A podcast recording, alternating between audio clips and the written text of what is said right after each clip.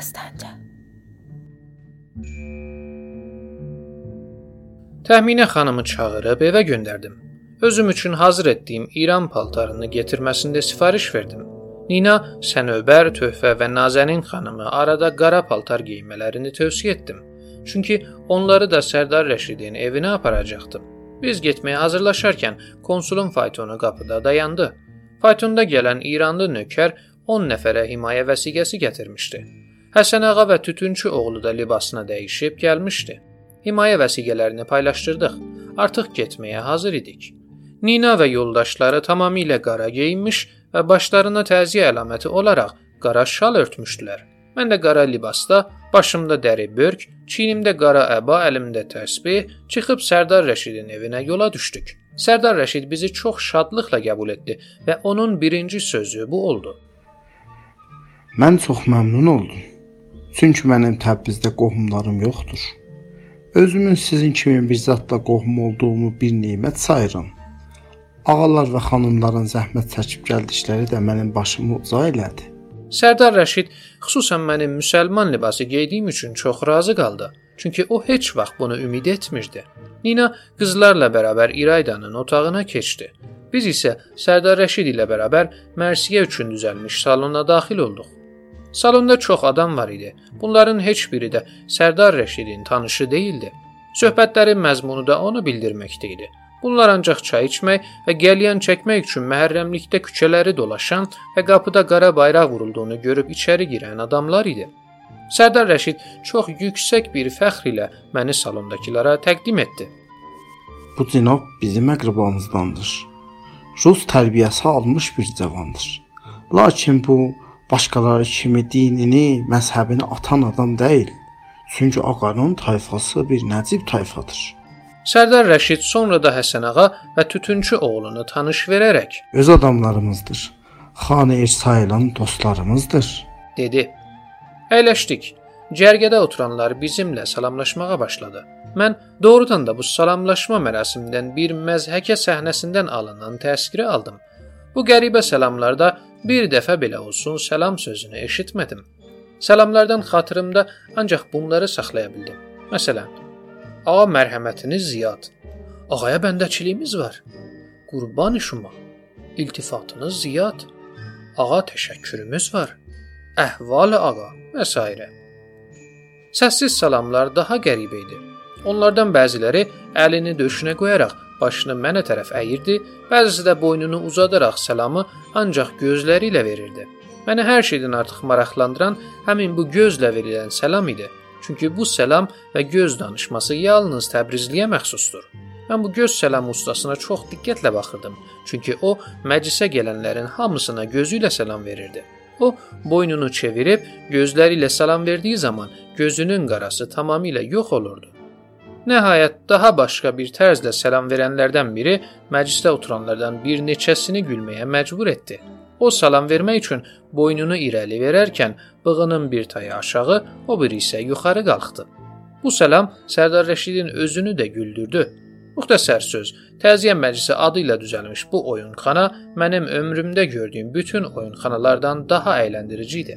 Salam verdikdə burnu və qulağını tərpədənlər də var idi. Bir neçə dəqiqədə gəliyən xorultuları ilə çay qaşıqlarının səsini dinlədik. Mərsiyə oxumaq üçün çağırılan mərsiyəxanlar növbətlə yuxarı başda qurulmuş kürsüyə oturmağa başladı. Mən mərsiyələrin məzmun və şeirinə diqqət verirdim. Onların mərsiyəsində Kərbəla hadisəsinə dair bir kəlmə belə də olsa danışılmırdı.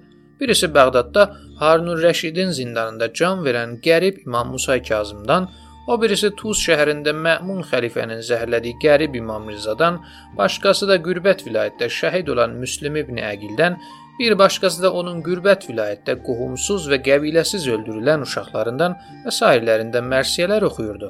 Heç şübhə yoxdur ki, bu sifarişləri Sərdar Rəşidin özü vermişdi. Qürbət vilayətdə öldürülən Aleksandr Semirnovun ölümünə ithaf olunmuş mərsiyələr bitdi. Mərsiyəxanların hər birisi 5 qram pul alıb 5000 dua verdikdən sonra çıxıb getdilər. Salon boşaldı. İrayda Nina və qızlar salona gəldi. Məhərrəmlik münasibətilə İrayda da qara libas geyinmiş və qara şal örtmüşdü. Sərdar Rəşid bir əli ilə Nina və o biri əli ilə də İraydanın qolundan tutaraq həddindən artıq bir fərəhlənmə ilə söylədi: Sizə və bəndəyə dünyada bundan da artıq nemət qismət ola bilməzdi. Əgər dünya neməti buyurursunuz, budur, bunlardır dünyanın neməti. Nəciblikdə nəcib, gözəllikdə bütün dünyada misli görünməyən gözəllər. O ki, qaldı axirət məsələsinə, ağa, burdakı savab bizim 70 arxadan abba əzdadımıza bəsdir. Bu iki xanımın İslam'a müşərrəf olmaları bizim elhamdülillah axirət məsələmizi təmin elədi. Bu hadisə həm bizi axirətdə üzağ elədi, həm də iki Allah bəndəsinə həqq yolla çağırıb cəhənnəm əzabından xilas elədi. Ağa, siz bir Xudavənd aləmin qismətinə mültəfit olun. Gör insanı hardan gətirir və kimləri kimlərə qismət edir. Hələ İrayda xanımın kəlmə-i şahadətini necə gözlü, dürüst öyrəndiyini mülahizə buyurmuş olsanız, daha mütəəssib olacaqsınız. Sərdar Rəşid bunu söyləyərək İraydaya müraciətlə: "Xanım, indi sən öz kəlmə-i şahadətini ağaya oxu, qulaq assın." dedikdə İrayda məndən utandı, rəngi qızardı. Bir mənə, bir də Ninaya baxdıqdan sonra kəlmə şəhadətini gətirməyə başladı. Əşhədu ən la ilaha illallah vəhdəhu la şərikə ləh. Mən İraydanın müsəlmanlığını təyin edəcək bu kəlmələri eşitdikdən sonra Sərdar Rəşidin əlini sıxdım. İstehza etdiyimi gizlətməyə çalışaraq ehtiyatla "Sizi təbrik edirəm. Bu müvəffəqiyyət hər iki dünyada sizin üçün kifayətdir, dedim. Ninəyə bıçaq vursaydın qanı çıxmazdı. O İraydanın keçirdiyi bu gülünc həyatı görürkən təbii halından çıxmağa başlamışdı. Mən onun İraydanı məzəmmət etməyə hazırlaşdığını hiss edən kimi söhbətin mövzusunu dəyişdim və Sərdar Rəşidə belə bir sual verdim. Çox təəssüf edirəm ki, Mahru xanıma belə bir müsibət üz verdi. Lakin xanımı Şazda bağından tamam yığışdırıb gətirmək lazım deyildirmi? Sərdar Rəşid qəmli bir surətdə cavab verdi. Bəndənin fişinə görə onu yığışdırıb evə gətirmək hələ tezdir. Adətimiz üzrə mərhum ağa İsmailin ölümündən 40 gün keçəndən sonra mahru yığışıb evə gəlməlidir. Mənim eşitdiyimə görə ruslarda da belə bir adət var imiş. Lakin mən qızı başa sala bilmədim. O sifariş göndərib ki, burada qala bilmirəm.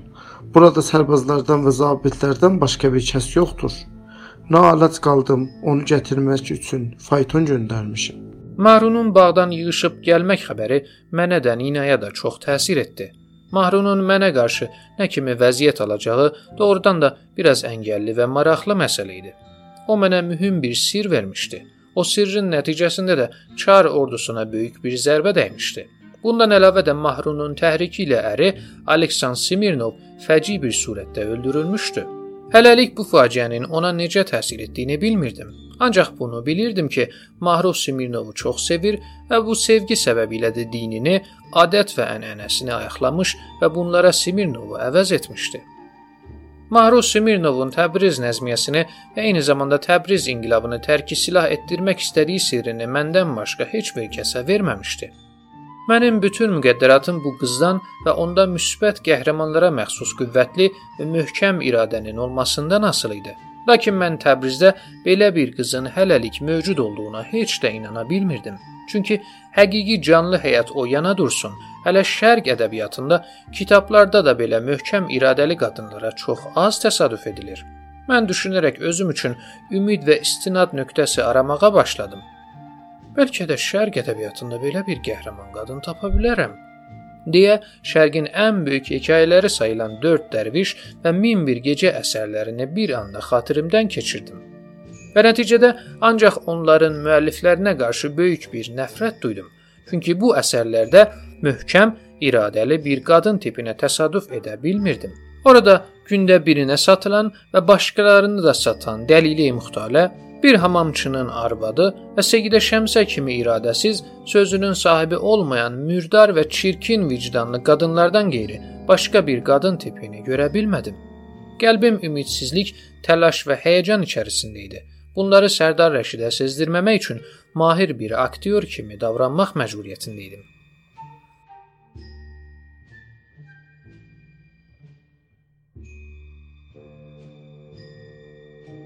Kitabın adı Dumanlı Təbriz. Yazar Məhəmməd Səid Ordubadı. Hazırlayan Nurullah Purşərif. Bu bölümdə səsləndirdilər: Ravi Kamal Alqın, Sərdar Rəşid, Hüseyn Əkbərzadə, İrayda Elnarə. Yönetmən Saray Tahiri. Düzənləyən Səccad Müslimi. Bizim axağa qatılmaqla işimizin ardını tutmaqda bizə dəstək olun. Axağımızın adresi Dastanca.